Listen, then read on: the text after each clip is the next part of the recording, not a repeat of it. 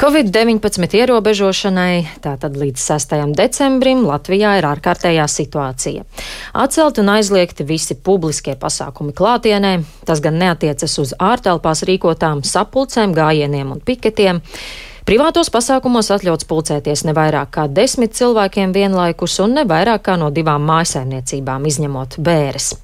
Vēl virkne ierobežojošo pasākumu skar ēdināšanas uzņēmumus, slēgtas izklaides vietas, kā arī ierobežots tirzniecības centru darba laiks un arī citi epidemioloģiskās drošības pasākumi tiek ieviesti no šodienas. Kādam ārkārtējā situācija nozīmē pilnībā pāriet uz attālināto darbu, bet vēl kādam dīkstāvi vai bezdarba periodu. Par to, kā šo ierobežojumu laikā jūtas darbinieki, par ko sūdzas un kā no darba ņēmēju viedokļa ir vērtējams nākamā gada budžets, par to sarunāšos ar Latvijas Brīvo arotbiedrību savienības priekšsādātāju Egīlu Baldzēnu. Labrīt! Labrīt! Ko darba ņēmējiem nozīmē ārkārtējā situācija no šodienas? Kam un kas mainās? Nu, vispirms varam teikt tā, ka uh, šī situācija varbūt ir uh, nedaudz saprātīgāka nekā pirms tam. No pirmo reizi varbūt arī pietrūka visiem pieredzes, ne tikai darbiniekiem, bet arī darba devējiem un politiķiem. Un šobrīd mēs varam redzēt, ka ir tāda vēlme mazināt triecienu ekonomikai un zināmā mērā ņemt vērā tās realitātes, kas ir bijušas arī nu, citās valstīs, ievērotas, kā iziet no šīs krīzes. Uh, Bet tā pašā laikā pati galvenā lieta, kas paliek mums, ir tas, ka vajag pārskatīt šo atbalstu vairāk, lai tas aiziet līdz cilvēkiem, jo un maisaimniecībām, ne tikai uz uzņēmumiem. Mēs, protams, atbalstam to, ka uzņēmumiem vajag palīdzību, bet, kā mēs redzam, tieši šajā jautājumā ir Igaunija un Lietuva mums krietni priekšā, gandrīz trīsreiz lielāks palīdzības apjoms ir aizgājis tieši maisaimniecībām un darbiniekiem nekā Latvijā. Nu, tas ir pietiekami nopietni, jo šī ietekme ir nu, tāda ātrāka un ekonomisko tādu kritumu mazinoša Protams, eh, es negribētu noliekt to, ka uzņēmumiem ir jāpalīdz, bet nu, šīs proporcijas kaut kā jāmēģina mazliet piekoriģēt. Nākamais, kas ir, ko ārotbiedrības ir jau teikušas un arī savā ziņā darījušas, ir dīkstāvis pabalsti. Dīkstāvis pabalstiem ir jābūt tādiem, kas ir arī pie daļējas nodarbinātības. Un mēs pagājušajā krīzes laikā pavasarī panācām to, ka padziļināta sadarbības partneriem kā arī tur, kur ir koplīgumi ar arotbiedrību, ir iespējams zināmā mērā arī būt nepilns darba laiks. Un, līdz ar to nodrošinot iespēju nu, cilvēkiem strādāt arī tajā nepilna teiksim, darba laika, jo ēna ekonomika mums tiešām ir augstāka nekā Lietuvā un Igaunijā. Un ir saprotama, valdības un valsts institūcija kontrolas spējas noteikt to visu, bet uh, šī gadījumā varbūt kādreiz arī pat nedaudz kļūdīties ir labāk nekā uh, piebremzēt uh, par daudz ekonomisko apriti. Jā. Tas būtu jā, viens, ko noteikti gribētu. Nākamais, ko vēl gribētu teikt, kad reformas šajā laikā nu, nav tas veiksmīgākais laiks. Tā pašā laikā, nu, protams, ir kādas nopietnas korekcijas, varbūt arī jādara ar sociālo nodrošinājumu. Jā, nu, tam mēs vēl pieskarsimies, bet eh, tas, Jā. ko gribēju vaicāt tieši vēl par šo ārkārtējo situāciju un ierobežojumiem, eh, kā sokas eh, darbiniekiem ar iespējām nodrošināt sev attālināto darbu vai tiem, kam tas ir nepieciešams, tas ir viegli nodrošināms, vai tomēr cilvēki saskaras ar grūtībām?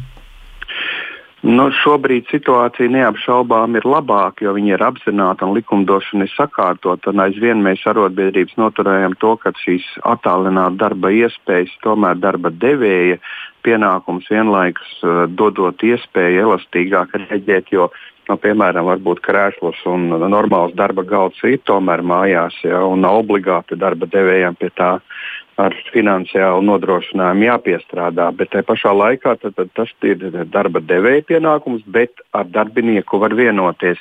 Šeit galvenais varbūt ir tas, ka uh, pirmajā reizē pavasarī mums tiešām bija tā situācija, ka šis attālinātais darbs bija nu, teiksim, no tāds gan ar pārslodzi, gan ar stresu, gan nenodrošināts ar kaut kādiem līdzekļiem. Tā kā praktiski tas šobrīd būtu daudz labāk risināms jautājums. Un, protams, arī valdība arī precīzi nosaka, ka tur, kur tas ir nepieciešams un iespējams, tas ir jādara. Ir vietas, kur to nevar nodrošināt. Tā kā, nu, šajā ziņā šobrīd es teiktu, ka situācija ir labāka, bet uh, noteikti atšķirās gan uzņēmumos, gan iestādēs. Uh, mm. Bet, principā, nu, varētu teikt, ka tā īpaši sūdzēties par to nevajadzētu. Nu, tas varbūt būtu jau tāds uh, attieksmes jautājums no darba devēja puses, kad nav izdarīts viss, kas ir vajadzīgs. Bet vai ir kas tāds, par ko darbinieki arī sūdzas šajā laikā, varbūt vairāk kā citkārt? Kādi ir tie iemesli? Nu, principā jau patreiz ir tas, ka ir ļoti nevienmērīgi trāpījis uh, šis uh, Covid-19 pandēmijas trieciens. Nu, ja mēs paskatāmies uz aviāciju, turismu, kafejnīcām, restorāniem, viesnīcām, startautiskiem pasažieru pārvadājumiem, tad tas ir skaidrs, redzams, ka tur ir vairāk. Tad ir atkal cilvēki, kuriem ir šobrīd reāla pārslodze. Es domāju, pedagogi, mediķi, iekšlietu darbinieki bieži vien Jā, tā kā tas ir tāds jautājums, un arī šī pārslodzes stresa, nenoteiktība ar situāciju, neziņa par to, cik ilgi kas un kā būs. Nu, tas rada tādu teiksim, stresu un zinām, tādu situāciju, ka cilvēkiem ir grūti pielāgoties šai situācijai, bet nu, tas ir mums tomēr kopīgiem spēkiem visiem jāpārvar. Un nā, nākamais, kas ir ļoti būtisks, ko mēs no arotbiedrības puses vēlētos un vienmēr esam uzsvēruši un uzrunājuši, gan politiķus, gan arī darba devējus, tas ir tomēr veiksmīgāk sociālo dialogu, jo ir tiešām ar valdību bieži vien un, un ir konkrētām ministrijām mums viņš klibo šis sociālais dialogs. Un, nu, paņemsim kaut vai vienu to piemēru, kas ir tāds nu, kritisks, ja, kad um, mediķiem ir no vienas puses trīspusējā sadarbības padome, un viss tur tiek runāts, un uh, analizēts un noraidīts, bet pašā laikā tā doma, ka medmāsām varētu samazināt uh, darba samaksas uh, īpatsvaru pret ārsta algu no 40 līdz 29, tiek virzīts uz priekšu procentiem, no 40% uz 99. Nu, mēs to kategoriski noraidām un tādas visādas domas, ka mm. kāda domnīca varētu vienā brīdī palabot to, kas jau ir pieņemts gan valdības līmenī, kopā ar sociālajiem partneriem vai citādāk.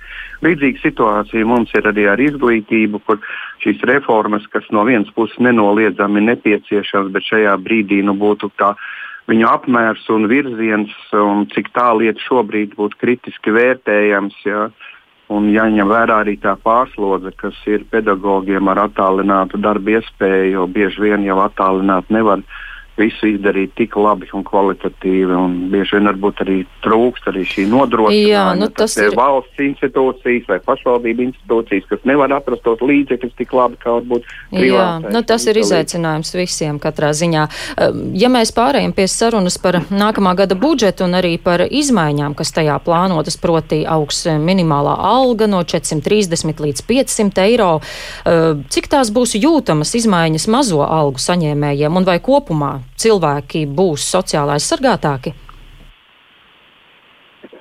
Nu šeit ir divas lietas, ko arotbiedrība uzreiz pateica. Tad, tad, tad, kad mūsu minimālā alga trīs gadus tiešām nav paaugstināta, ja mēs paņemam šo gadu un paņemam pirktspējas paritātes standartus, tas nozīmē pie vienādām cenām, tad Igaunijā par minimālo algu šobrīd saņem 147 eiro vairāk mēnesī, un Lietuvā 170 eiro. Tā ir milzīga starpība. Tā neatspoguļojas ne mūsu darba ražīgumā, godīgi runājot, ne iekšzemes koproduktu iespējās. Tas bija absolūti nepieciešams un vajadzīgs. Es saprotu, ka varbūt kādā mazā uzņēmumā tas var radīt īpaši provincē, īpaši no, no, teiksim, no maģistrālēm sānis, var radīt problēmas, bet nu, mēs esam arī izteikuši savu iespēju.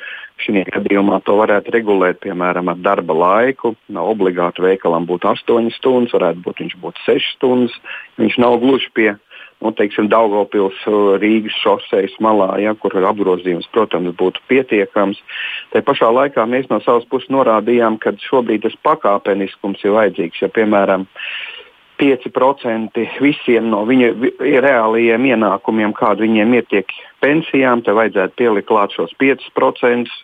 Valdība zināmā mērā to galu galā ir uzsadzirdējusi, bet tajā pašā laikā visu laiku izdara nu, tādas nu, uh, kā lai saka, paklupienas, kad uh, grūti saprast, ko viņi ar to domā, kad atkal tomēr cilvēkam jāiet, piemēram, uz pašvaldības uh, sociālās palīdzības dienestiem, sociālajiem dienestiem tieši kaut tur pierādīt kaut ko. Es domāju, tas šajā brīdī nebūtu tas uh, veids, kas būtu jānodrošina, bet būtu jādomā par to, cilvēks var nomaksāt, lai viņš neiet uz bezdarbu, vai teiksim, uz naturālo saimniecību, vai uz ēnu ekonomiku, vai vienkārši mm. aiziet darba, nu, zinām, ienākumu vietā, vienkārši aiziet uz pašvaldību pēc pabalstu, vai, da, vai pasakot, Dievs, emigrācijā darba. Bet vai jo, kopumā mums... darba ņēmējs būs sociāli aizsargātāks līdz ar visām nu, izmaiņām? Es varu pateikt, ka jā, viņš būtu aizsargātāks, ja būs realizētas tās ieceres, gan minimālā alga, gan neapliekamais minimums, gan neapliekamā minimuma apjoms, kas ir,